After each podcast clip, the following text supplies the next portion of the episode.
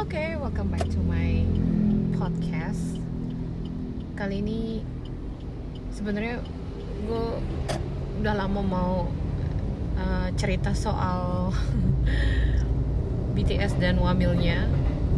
Sebetulnya sih mereka kan udah lama ya ngasih tahu bahwa mereka bakalan uh, break as a group atau hiatus atau apa pun itu bahkan ada yang bilang mereka bubar dan sebagainya dan sebagainya. Tapi um, here's the thing that I understand about them. Um, kalau misalnya dengar maksudnya gini I'm not really a person who listen to a song just to find out what it means. If I like the song I like the song kalau memang bagus ya bagus aja. Sama aja kayak gue nonton stand up kalau lucu ya lucu aja. Ketawa ketawa aja. Karena seperti yang Panji bilang kalau lu ketawa itu refleks. Jadi walaupun itu menyinggung atau tidak kalau lucu ya ketawa aja. Kalau suka ya suka aja. Mau lagu jenisnya kayak apa juga kalau suka ya suka aja. Dan kalau misalnya sekarang ditanya apakah lu suka K-pop? Nggak juga sebenarnya. Karena BTS ya menurut gua tidak berbeda sekali dengan uh, K-pop yang selama ini gue dengar gitu. Dan kalau misalnya dibilang oh ini bagus ini bagus ini bagus ini bagus yes they are. Itu kan namanya selera gitu loh. Tapi I'm just saying they're different gitu. Bahkan beda dengan boyband boyband tahun 90-an tahun 2000-an yang juga gue sukain sampai sekarang. Contohnya kayak Backstreet Boy. And next year will be their 30th anniversary together as a boy band. Can you imagine? And they're still active until today. Five of them together having a world tour. Waktu gue lihat B BTS I was wondering if they will be together as at least as long as Backstreet Boy tapi gini uh, yang akhirnya membuat Boy sekarang apa ya? Ya mungkin karena mereka individually as not as successful as when they are together. Katakanlah memang kayak gitu. Tapi gue rasa ya untuk bisa memiliki komitmen seperti mereka berlima selama 30 tahun bersama pun juga tidak mudah karena berkomitmen dengan dua orang aja itu udah luar biasa ya. Yang namanya pernikahan itu. Tapi um, itu aja susah gitu. Apalagi bersama-sama berlima selama 30 tahun. Dan kalau misalnya dibilang oh ada boyband boyband lainnya ada K-pop idols grup lainnya yang bisa bertahan lebih lama dari itu uh, ya betul memang betul. But I don't know them I don't like them. Do I have to? I don't think so. Karena to be honest with you um, having an attachment in such like I attach to BTS right now is hard. Karena um, ketika sesuatu terjadi sama mereka pasti akan ada mm, rasa sedih rasa bingung rasa gue mau ngapain nih? Gitu loh. Dan um, ternyata perasaan itu juga dirasain oleh si BTS-nya sendiri karena sekarang gue ngerti kenapa kalian tuh takut kita bubar. Karena gue juga ngerasain sekarang ketika kita memutuskan untuk uh, jalan sendiri-sendiri dulu sebelum akhirnya kita nanti bareng-bareng lagi kita pun juga khawatir bakal ditungguin apa bakal ditinggal gitu. Dan bisa aja nih bisa aja kan uh, fans-fansnya BTS atau ARMY itu tingkat loyalitasnya kesukaan mereka dengan BTS kan beda-beda gitu loh. Uh, apakah mereka semua akan menunggu sampai sebutlah 2025 apakah mereka akan berpindah ke idols lainnya? Apakah kan banyak juga ya fans-fans uh, yang juga ngefans sama idol-idol yang lain dan mungkin they also invest a lot of time, energy, and money for the other idols. Kenapa enggak gitu. Jadi ya wajar lah kalau misalnya BTS sendiri pun punya kekhawatiran bakalan ditinggal sama uh, fans-fansnya atau arminya waktu gue tahu mereka akan berpisah uh, I'm, I'm just going to say it ya. Berpisah kenapa? Karena memang mereka sudah tidak sedang tidak bekerja sama sebagai grup gitu. Tidak bikin album tidak bikin musik gitu itu kan Juni 2022 kan? Ketika kita nonton uh, dinner festanya gitu. Tadinya kirain bakalan lucu-lucu bercanda-bercanda. Ternyata pernah nangis semuanya di situ dan gue pun pas denger itu juga kayak hah? Ini gimana nih? Gitu. Bengong juga gitu nontonnya dan untungnya dalam tanda kutip uh, eh, gue merasa bahwa setelah 2 tahun gue mengenal mereka pun kayaknya I think I I, I try to understand gitu. Loh dan ya memang kalau dengar ceritanya lagi dari army-army yang lebih senior lebih lama uh, bahwa ternyata tuh BTS tuh sebetulnya udah pengen uh, jalanin karirnya masing-masing. Itu dari 2020 sebelum uh, pandemi kan gitu. Dan kalau misalnya kamu salah satunya uh, dengerin lagu Black Swan terus juga lagu On gitu. Terutama Black Swan Swan ya it's beautiful song beautiful choreography uh, beautiful music video tapi isinya itu painful banget sebenarnya kalau misalnya mau kalian uh, baca dan ngerti lebih dalam lagi gitu. Dan gue juga baru sadar tahun ini bahwa oh jadi tuh can you imagine if you wanna say dan tanda kutip goodbye ya as a group karena mereka ngerasa bahwa kalau kita kita nggak bisa terus produktif dan kehilangan jati diri kalau misalnya kita terus bersama-sama dan akhirnya jadi jadi nggak nggak sincere jadi nggak jadi apa-apa gitu. Kan ada namanya ada yang namanya orang capek atau jenuh gitu. Dan itu wajar. Dan sebagai uh, orang yang bekerja di industri kreatif itu wajar sekali kalau misalnya mereka nggak kerasa kayak gitu. Dan they need a break gitu loh to find themselves. Karena selama 10 tahun ini mereka selalu bersama-sama as a group dan memang dari semua K-pop idol kalau yang gue rasakan ya memang beda gitu. Bedanya karena ya mungkin uh, hasilnya mereka juga beda. Kalau misalnya dibilang oh kita juga dulu dari um, company yang sama-sama susah mungkin atau misalnya dari company besar tapi kan mereka juga uh, training bareng uh, bertahun-tahun dan sebagainya dan sebagainya. Tapi this is a really unicorn story gitu yang tadinya datang dari bener-bener company kecil sekali hampir bubar. Terus juga ada kasus dari idols mereka yang pertama uh, girls K-pop idol yang bermasalah dan akhirnya bubar. Tadinya udah kelihatan kalau gue baca itu kayaknya kayaknya ini menjanjikan gitu. Sampai akhirnya uh, bubar karena kasus lupa kasusnya apa harus baca lagi nanti salah. Uh, tapi kebayang nggak sih dari titik itu? Dan sekarang mereka punya company sebesar hype gitu. If you if you know one asking me is it because of them? Yes it is because of them. Siapa lagi gitu? Kan big hit uh, entertainment awalnya kan memang cuma mereka. Dan yang membesarkan itu ya memang mereka gitu. Jadi apa ya? Kayak siapa siapa kayak pop idol yang bisa seperti itu. Dan mungkin memang bang Shi bang Shi Hyuk juga uh, memformulakannya beda. Kalau bisa diulang atau enggak kalau menurut gue agak berat ya. Bahkan hampir nggak mungkin karena gini katakanlah hype sudah tahu gitu ya. Big hit music udah tahu gitu loh formulanya formulanya apa.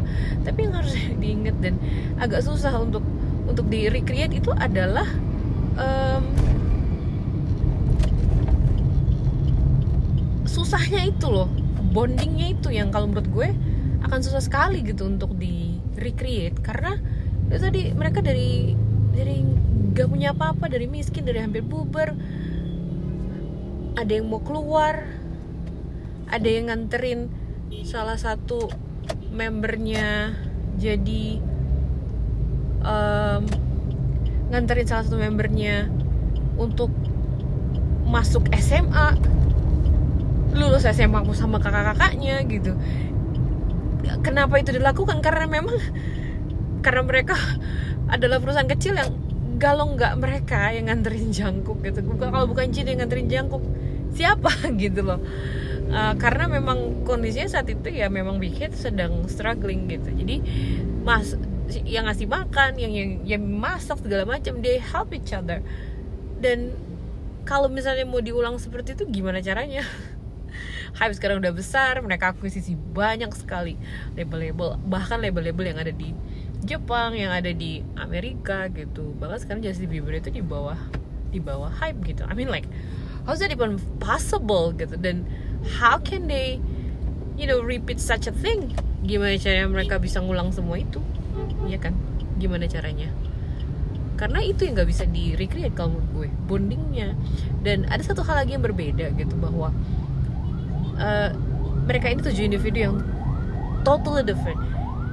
Every single time they have a chance to say that we are totally different they will gitu. Dan di awal mereka nggak tahu gimana cara mereka bisa bekerja sama sebagai tujuh individu untuk untuk satu grup gitu.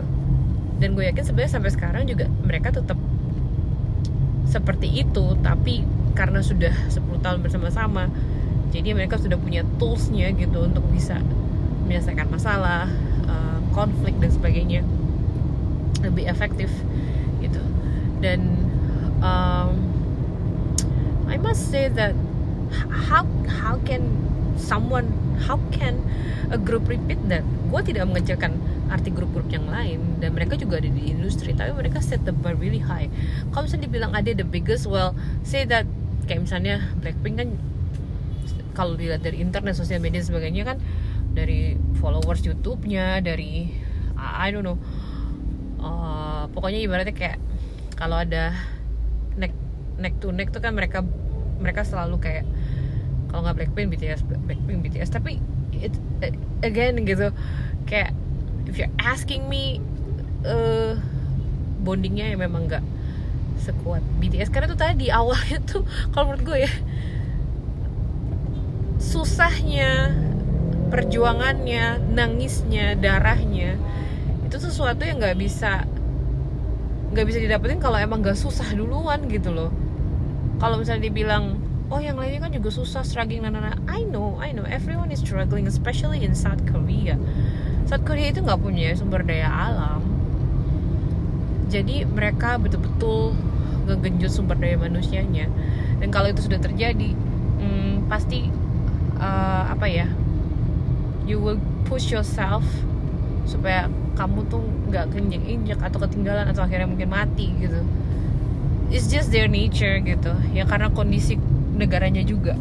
Kembali lagi ke kondisi negara bahwa ah, sampai hari ini mereka ada wajib militer gitu.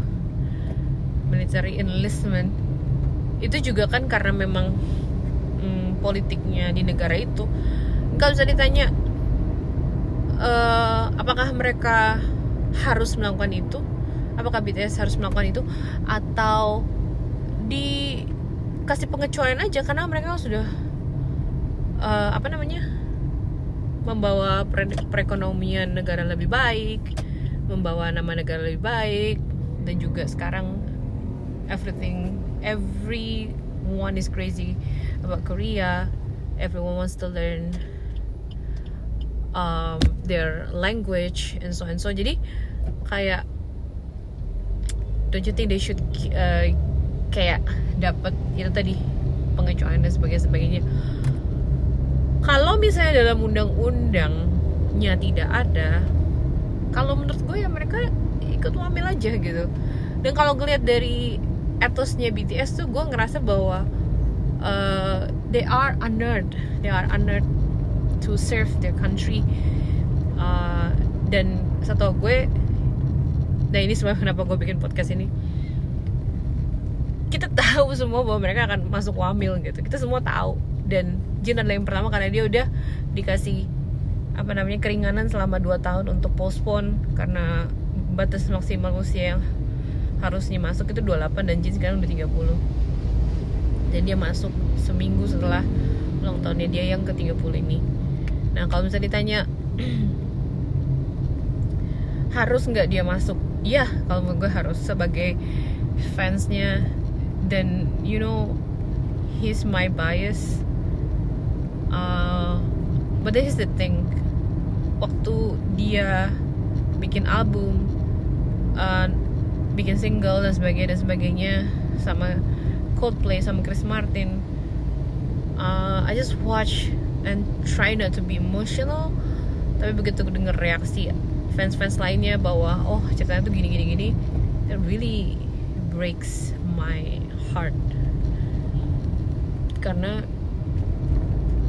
it's happening it's getting closer gitu dan ketika lihat dia nyanyi di depan uh, penonton di stadium di Argentina juga wow gitu they're not there for BTS or Jin gitu. Mereka di situ untuk Coldplay dan uh, gimana mereka sampai nangis gitu. Ya mungkin nggak semuanya nangis ya di stadium itu karena agak repot juga ya. Karena kan sebetulnya kan Jin kan nggak nggak relate relate banget gitu sama Coldplay. Mungkin fansnya Coldplay ya tau lah mereka. Tapi nggak semua fansnya Coldplay seneng sama BTS atau Jin in particular gitu. Jadi uh, what I'm saying is it's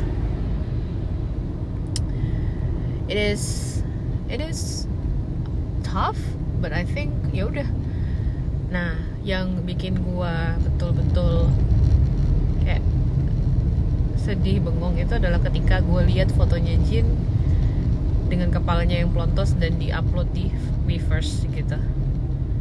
Uh, itu tuh kayak yang wow it's really happening gitu. Kayak physically dia berubah gitu. Doesn't look like an idol anymore. If you're saying that uh, wah kalau dia botak dan segala macam jadi nggak menarik jadi nggak lucu. No it's not about that. But I just feel like when you see your idols looks pretty all the time but then he become a soldier gitu yang yang harus mengabdi sama negara sama undang-undangnya untuk ketahanan negara mereka gitu. Um, dan banyak sekali ternyata laki-laki di Korea itu yang mencoba untuk tidak melakukan itu dengan berbagai alasan gitu. Dan I'm pretty sure BTS will do their serve uh, properly gitu. Kecuali uh, Suga katanya yang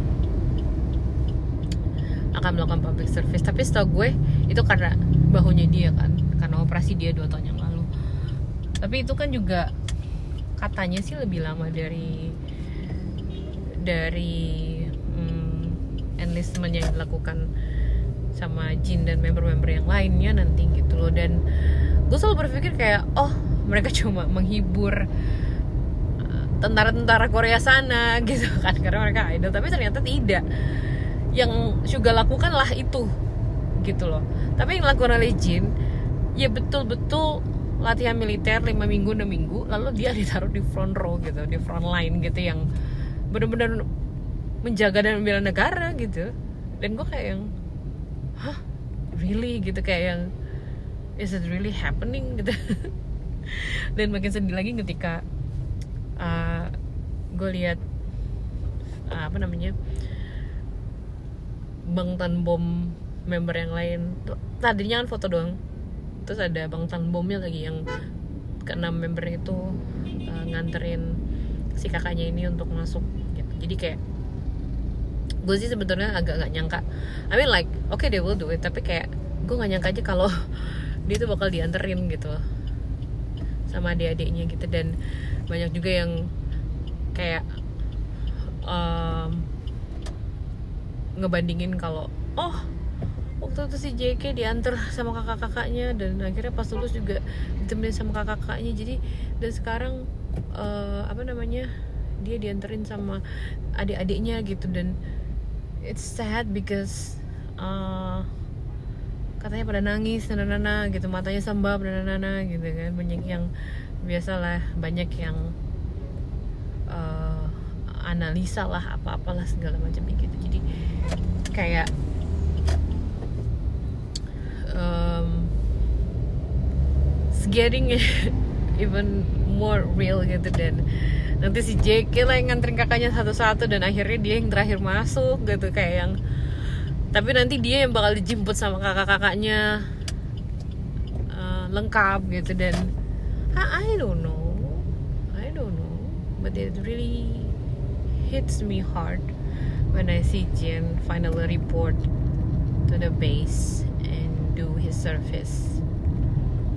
Dan ada sih foto-fotonya dia yang pakai seragam bantu-bantu lagi ngangkut-ngangkut kursi plastik segala macam gitu. Dan juga ternyata setiap camp tuh beda-beda yang ada yang service-nya oke okay, ada yang mm, sosok ada yang katanya mungkin gak bagus dan sebagainya. Kan mungkin tergantung provinsinya tergantung uh, apa namanya pemerintahannya mungkin di setiap bagian-bagian itu. Mungkin provinsi kali ya kalau Indonesia atau kabupaten atau kota Madia gitu deh gue nggak ngerti di sana gimana. Dan ketika si Jin bilang jangan pada datang ya gitu karena nanti bakalan crowded rusuh dan dan and so and so and so uh, jangan datang dan no one is coming. Ada sih beberapa fans gitu yang datang tapi rapi tertib uh, sepi lah ibaratnya gitu. Dan yang datang tuh cuma wartawan teman dan keluarga gitu dan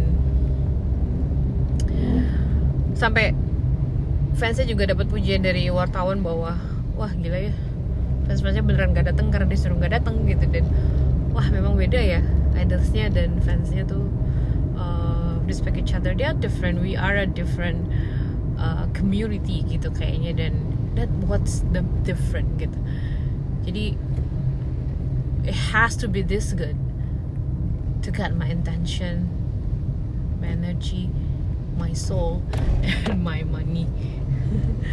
Jin akan kembali uh, I mean Jin akan uh, menyelesaikan wajib militernya pada Juni 2025 no 2024 dan BTS akan kembali bersama di tahun 2025 dan satu hal yang mau gue tekankan juga adalah uh, sebetulnya mereka kan ingin berpisah tuh tahun 2020 kalau dihitung-hitung mereka akan kembali di 2023 which is Juni 2023 sepertinya. Juni 2023 itu adalah anniversary-nya BTS yang ke-10 and I think that's the reason why they calculate everything. And I know how it feels when all the plans that you made is not working like the way you want. It's, it's tough. I know it's tough. And um, I really wish them good luck. Dan uh, harusnya mereka kembali 2023 bersama-sama setelah mereka ngejalanin semuanya. Tapi I don't think that I will meet them uh, without pandemic or COVID. Um, I might hurt them through dynamite or butter. Kalau misalnya mereka sampai masuk ke ke ke jalur mainstream mungkin gue akan tahu mereka. Tapi besar kemungkinan gue akan ngefans seperti gue ngefans mereka sekarang. They really help me and I wish them good luck and 2025 is not that far. It's far far but that's not that's not far. So good luck BTS good luck Jin good luck everyone. Uh, happy new year. Hopefully your 2023 is much much better. Bye bye hello. Welcome back to my podcast. Kali ini gue cuma mau sebetulnya mau ngobrol aja sih. Mau cerita tentang 2022 sebenarnya gue tuh orangnya melankolis banget ya. Kayak apa apa tuh harus didokumentasiin apa yang terjadi tahun itu. Tapi tahun ini kayak gue yang gue nggak mau meromantisasi kejadian-kejadian di tahun lalu gitu dan dibikin kayak semacam summary-nya gitu. Uh, dengan nulis biasanya gue nulis tapi kali ini gue akan cerita di sini aja. Just a different platform tapi kayak I think it will be nice if I listen to this next year and then think back about what happened in 2022 and let's see how how it goes actually in 2023 karena kalau misalnya dibilang 2022 itu enggak spesial atau istimewa tapi gue pikir-pikir istimewa sekali gitu pertama uh, untuk setelah dua tahun kita WFH akhirnya bisa balik lagi uh, kerja di sekolah ngajar face to face lagi gitu. Dan um, I've learned a lot from uh, what happened for the past two years dari 2020 ke 2022 gitu. Dan um, I hope that it makes me a better teacher but I feel like because we change because I change I feel like the world change towards me. Jadi itu bener ya kalau misalnya dibilang nggak usah capek-capek lah ngerubah mengubah dunia. Ketika lu cukup mengubah diri lu sendiri perspektif lu diri lu untuk jadi seseorang yang lu inginkan untuk ada. Jadi temen lo jadi guru lo jadi uh, nyokap lo jadi anak lo then you can feel the different when you change gitu. Bukannya gue mau sok-sokan ya lu berubah dong karena gue tahu itu nggak gampang. Cuman itu yang gue rasakan terutama ketika gue mengajar gitu. Um, ternyata gue bisa gitu menemukan satu apa ya strategi selain kayak ngegas terus gitu. Ternyata gue bisa ya uh, mengajar dengan lebih uh, apa ya sebutannya mungkin lebih ke relax lebih pengertian lebih pengertian mungkin ya. Karena apa pun yang terjadi se se wow wow. Seketat apa pun uh, kurikulum yang harus disampaikan gitu. At the end of the day what matters is the student itself. Dan itu yang gue rasakan bahwa sebetulnya kan gue mengajar itu kan ingin membagi ilmu gue gitu dengan anak-anak gue dan um, kita nggak tahu impact apa yang kita kasih. But I remember one thing uh, most students will forget what you teach but they will always remember how you make them feel about you. Dan itu nggak cuma kepada murid aja tapi ke semua orang gitu. Jadi that's what I've learned a lot gitu. Dan itu yang gue rasakan sekarang. Dan memang uh, tidak gampang awalnya. Tapi kalau lu biasakan itu gitu lama-lama itu akan jadi diri lo dan itu akan jadi karakter uh, itu akan jadi kebiasaan dan kebiasaan jadi karakter dan akhirnya jadi diri lo gitu. Dan uh, memang gak gampang sih berubah di usia yang makin tua. Tapi bukan berarti nggak bisa. Dan ketika lo terbiasa untuk berubah menyesuaikan diri supaya hidup lo sebenarnya itu kan untuk diri lo ya. Ngerasa lebih nyaman dengan pekerjaan lo dengan keluarga lo dengan diri lo sendiri bahkan uh, itu adalah sesuatu yang akhirnya lo rasain sendiri enaknya gitu. Um, that's about work. I feel like there are changes actually. We have a different leaders uh, leader this academic year. And when I know that we will have a new leader back then kayak dua tahun yang lalu berarti kan itu. Um, I cried gitu karena nggak nyangka aja gitu. But at the same time I understand. Dan instead of kayak ah oh, kenapa harus diganti? Nah, nah, nah, gue langsung cepat menyelesaikan diri dengan oke okay, berarti lu akan punya leader baru dan lu harus bisa menyesuaikan diri lu dengan leader baru lo yang ini gitu. Dan uh, tapi gue punya kepercayaan bahwa siapa pun yang menggantikan uh, pasti adalah orang yang tepat.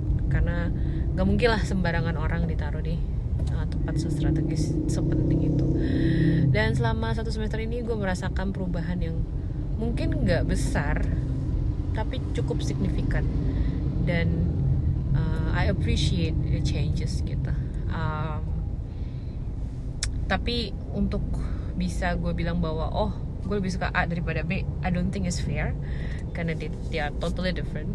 Tapi I can feel the different dan gue yakin masing-masing orang ada kelebihan dan kekurangan gue sebagai uh, apa namanya pekerja karyawan staff uh, hanya bisa uh, memberikan yang terbaik siapa pun leadernya nggak masalah uh, selama visi misinya tetap sesuai dengan apa yang gue percaya baik gitu, dan benar uh, oke okay. lalu uh, kalau dari segi keluarga mungkin ada satu hal yang gue sadari juga selama tahun 2022 ini bahwa I kind of like fail as a mom. Dan tapi gue yakin sih setiap orang tua pernah punya pikiran kayak gitu. Tapi what I'm saying is that uh, apa pun yang terjadi sama anak gue dua-duanya itu adalah tanggung jawab gue uh, gue merasa bahwa gue sebagai ibu punya kelebihan dan kekurangan seperti suami gue sebagai orang ayah punya kelebihan dan kekurangan dan gue merasa bahwa ketika ada hal-hal yang gue merasa bahwa wah ini anakku nggak bener di titik ini itu berarti tanggung jawab gue gitu. Dan salah satunya adalah uh, ketika anak gue yang kedua itu sampai dia usia tiga tahun masih belum bisa ya intinya ada speech delay lah gitu. Dan sampai akhirnya gue harus terapi dia bisa akhirnya berbicara. Selama enam bulan terapi uh, she progress a lot. But we spend a lot of money because of that. Ya nggak apa-apa. Memang itu adalah bagian dari perjalanan uh, kami bersama gitu ya nggak apa-apa gitu. But lesson learned bahwa uh, I have to admit that ada yang memang tidak gue kerjakan gitu dan ketika gue cerita ini ke seorang yang sangat gue uh, ah, maksudnya hormati lah gitu senior gue uh, dia bilang ya tidak bisa kamu juga ini salahin suami istri itu punya perannya masing-masing uh, dan tidak mungkin salahnya cuma ada di kamu dia bilang gitu. But I I I I feel like I should know better. Sometimes I feel like I give my best as a teacher to my students. And I feel like my daughters only get whatever left. I don't, I don't think it's fair for them but I feel like they understand gitu. Dan karena ini ada lah uh, minggu terakhir gue libur panjang gitu dan akhirnya gue akan kembali bekerja. Uh, gue merasa bahwa bukan sedih karena gue harus balik kerja karena gue nggak mau kerjanya tapi karena I really enjoy spending time with them uh, selama empat minggu ini gitu. Dan I'm not saying that we cannot do that tapi kan itu tadi gitu ketika gue balik kerja gue akan sibuk lagi uh, di sekolah dan sebagainya dan sebagainya. Melakukan pekerjaan yang memang gue sukai gue sayangi gitu. Terus akhirnya gue terlalu capek untuk bisa mungkin jalan sama dia main sama dia dan terkadang kayak pas weekend pun kalau memang mau jalan tuh kayak aduh bisa nggak sih kita di rumah aja? gitu. Karena memang energinya udah habis gitu di uh, lima hari kerja. I feel uh, bad about that but at the same time I'm so grateful uh, that I have uh, this full four weeks with them and uh, hopefully they understand as well uh, satu hal lagi yang ingin gue highlight juga adalah anak gue yang pertama. Dia itu pintar sekali anaknya.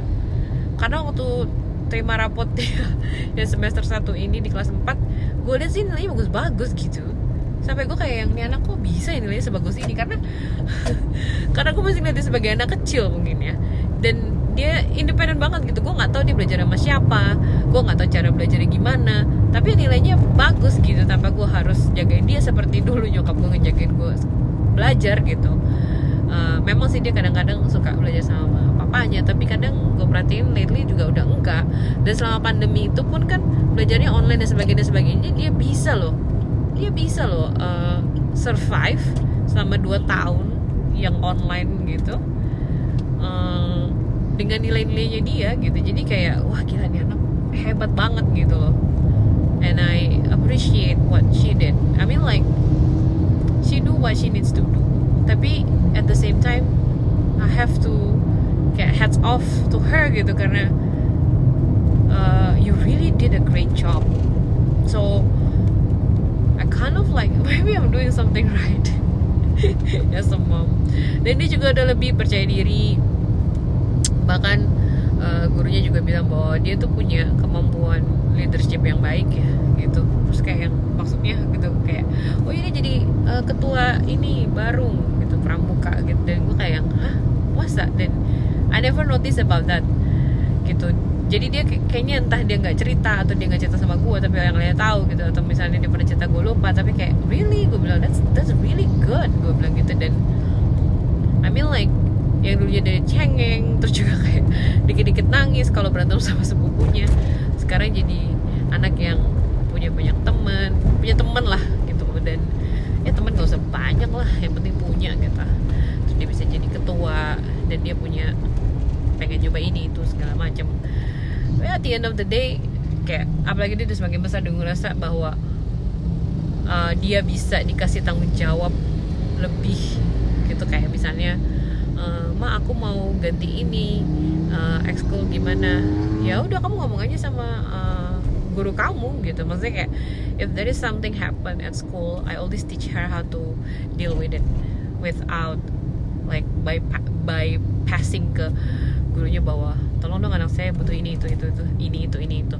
Lebih ke yang I'll teach you how I give you the tools you do the rest. It doesn't have to be always working but you gotta keep practicing gitu. Jadi nanti lama-lama bisa dan uh, hari ini gue pun menyadari itu bahwa gila ya ternyata apa yang gue ajarin tuh udah mulai kelihatan hasilnya gitu. And and I'm happy with that. I'm so proud of it. Gitu. Um, that's uh, about my uh, daughter my family um, what else? 2022 um, relationship.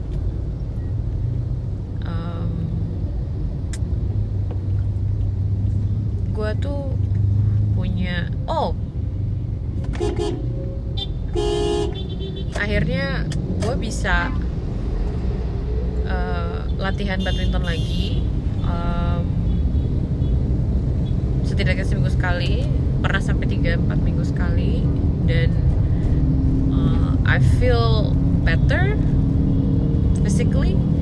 Dan gue sebetulnya pengen banget nurunin berat badan. Tapi it's a good start karena kan dulu covid benar-benar stop 2 tahun lebih. Ya 2 tahun betul-betul tidak main badminton sama sekali. Jadi kayak begitu sekarang udah mulai rajin udah rutin kayak oke okay, I think we got the, the rhythm. Tapi yang gue rasain adalah gue cepet capek entah karena memang sudah dua tahun tidak bergerak lalu tiba-tiba bergerak lagi atau karena memang gue sudah lebih tua aja gitu. I mean like people saying like I told my age to my students tapi mereka bilang kayak mereka sering ngeledekin gue ya mis lu tua dan kayak gitu gitu tapi they admit it kayak mis lu tuh kelihatan tua. Ya I know. Gue mungkin nggak kelihatan tua gitu tapi tapi kayak casing gue memang kelihatan mungkin gak kelihatan tua tapi ya lain-lainnya itu ya tua aja gitu. Cepet capek terus gampang ngantuk gitu gitu lah. Jadi kayak ya kalau dibandingin sama kalau dibandingin sama anak-anak ABG gitu ya jelas lah jauh banget lah pasti. Tapi kayak if you still can keep up with them uh, terus juga kayak masih nyambung uh, I think it's a it's a good it's a good point lah mudah-mudahan. Dan uh, apa ya? Uh, I hope that my husband will graduate from uh, his doctoral degree gitu. Maksudnya mudah-mudahan tahun ini dia bisa uh, akhirnya dapat doctoral degree-nya dia. I have to admit that. It takes a lot of hustle to do it and in, order to do that we have to you know take care of each other. Uh, maksudnya kayak I understand him. At the same time he understand me a lot gitu. Jadi kayak terlepas dari mungkin ada masih banyak lagi hal-hal yang um, perlu kita perjuangkan lagi lah kasarnya gitu but I think we understand each other gitu. Dan ada satu lagi juga pelajaran yang hmm, gue dapet juga selama setahun ini bahwa despite what happened it, it keep remind me that when I chose him as a husband I chose him. Gitu. Jadi kalau something happen kayak gila nih orang ternyata dia ABCD misalnya gitu. Ya kan lo yang milih. Dan karena gue yang milih gue merasa gue punya tanggung jawab gitu untuk untuk supaya ini tetap bisa terus jalan lah sampai mau memisahkan. Dan I feel like 14 years this is our, our 15th year. Asif like kayak wah gila lu kamu udah lama juga. Tapi kalau pikir-pikir 14 tahun itu ya kayak oh, ya udah gitu. Maksudnya kalau misalnya kenapa-napa ya sayang udah kelam nggak juga nggak gitu alasannya gitu loh. Tapi kayak ternyata 15 tahun tuh ya gini-gini aja gitu rasanya do we have a better understanding hopefully? Do we have a better communication hopefully? And um, I've changed a lot because of him. I changed a lot in this relationship. And um, there are so many things that we still need to work on. Apalagi maksudnya kayak banyak kan kasus-kasus seperti yang terjadi selama pandemi selama lockdown gitu kan. Hmm, I mean uh, we realized that we are okay. That's how we can live together for the past two years uh, not going anywhere. And we're just fine no one is killing each other so good. It's a good sign i think. Okay another 2022 that i want to shout out is i think um, i start to uh, either than badminton i think i start to watch theater uh, again Indonesia kita twice actually. Uh, judulnya yang pertama itu aduh nggak inget lagi yang kedua itu orang-orang ber berbahaya yang pertama tuh apa ya? Aduh kok gue bisa nggak ingat sama sekali ya. Tapi pokoknya ada dua teater uh, berselangnya cuma dua bulan and I enjoyed so much. And I watched stand up comedy ini uh, again. Tahun 2022 itu yang gue tonton adalah uh, Nigel Eng, uh, Uncle Roger, Marcel Widianto. Gue juga nonton pemanasannya Panji di komik di markas komik Comika. Uh, terus uh, Jason Leong. Dan yang terakhir Panji Pragiwaksono Komodo Mana Istora Jakarta. Uh, dari semua justru gue ya malah malah suka banget sama Jason Leong. Satu jam indah banget. Dari ujung ke ujung lucu semuanya. Solid sekali materinya. Dan tempatnya tuh kecil orangnya tuh gak rame tapi solid gitu. Dan I love it so much. Kayak gila. Begitu murah. Senang banget gue nonton si Jason Leong gitu I think he is one of he is the best stand up comedian and set I ever watched live uh, surprisingly gitu. Justru malah Angker Roger yang agak-agak yang flop. Mulai dari uh, lebih ke manajemennya kayak dia kan harus cater um, banyak orang harganya juga mahal venue-nya juga jelek soundnya nggak kedengeran bergaung dan gue gak ngerti dia ngomong apa gitu. Dan kayak aduh dan gitu kan banyak orang yang telat datang karena venue-nya pindah dan mungkin mereka nggak dapet email dan sebagainya jadi kayak wah kayak I don't think I will watch him again. Too bad. It's not his fault. Uh, tapi kayak hmm, I don't know. Kalau Jason Leong itu manajemennya sama promotornya sama tapi mungkin karena crowdnya nggak sebanyak uh, Angka Roger uh, terus juga tempatnya juga lebih proper gitu. Jadi mungkin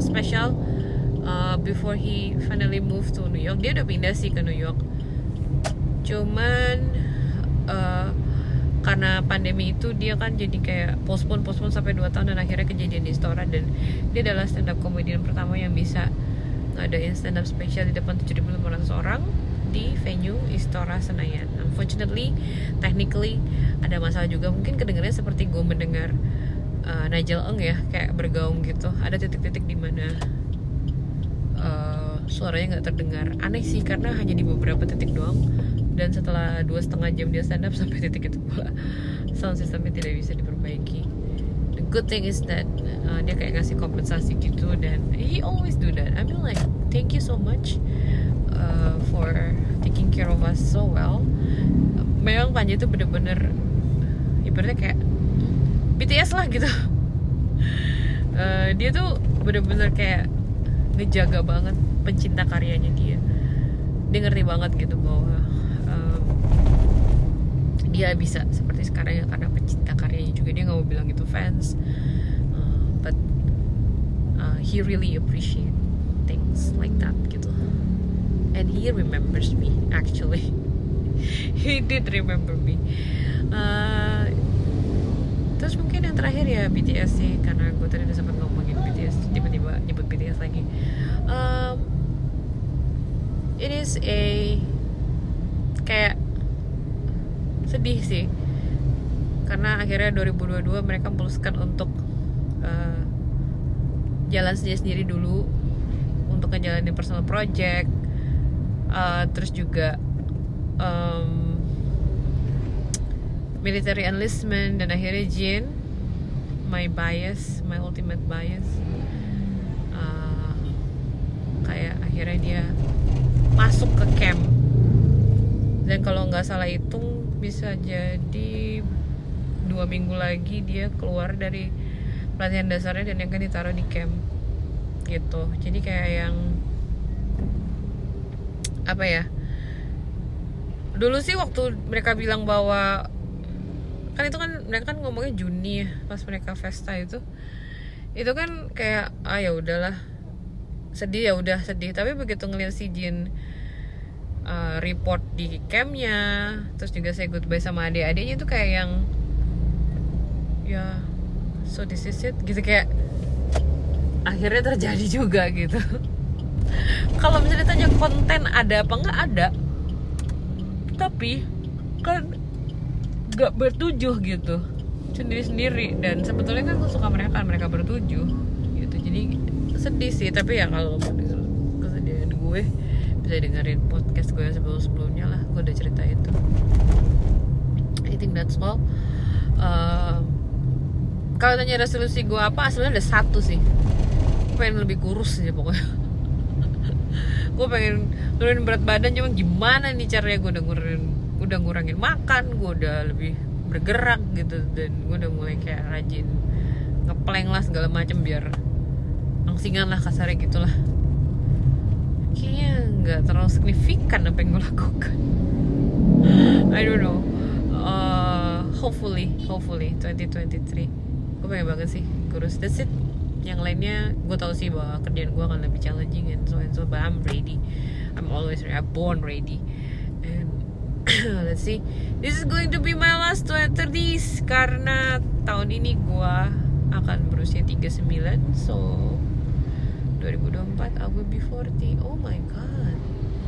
I will be gue akan ganti nama podcastnya jadi celoteh wanita 40-an tahun 2024 I think that's all. Thank you so much. Good luck 2023 good good game 2022 I'll see you in my next podcast. Bye bye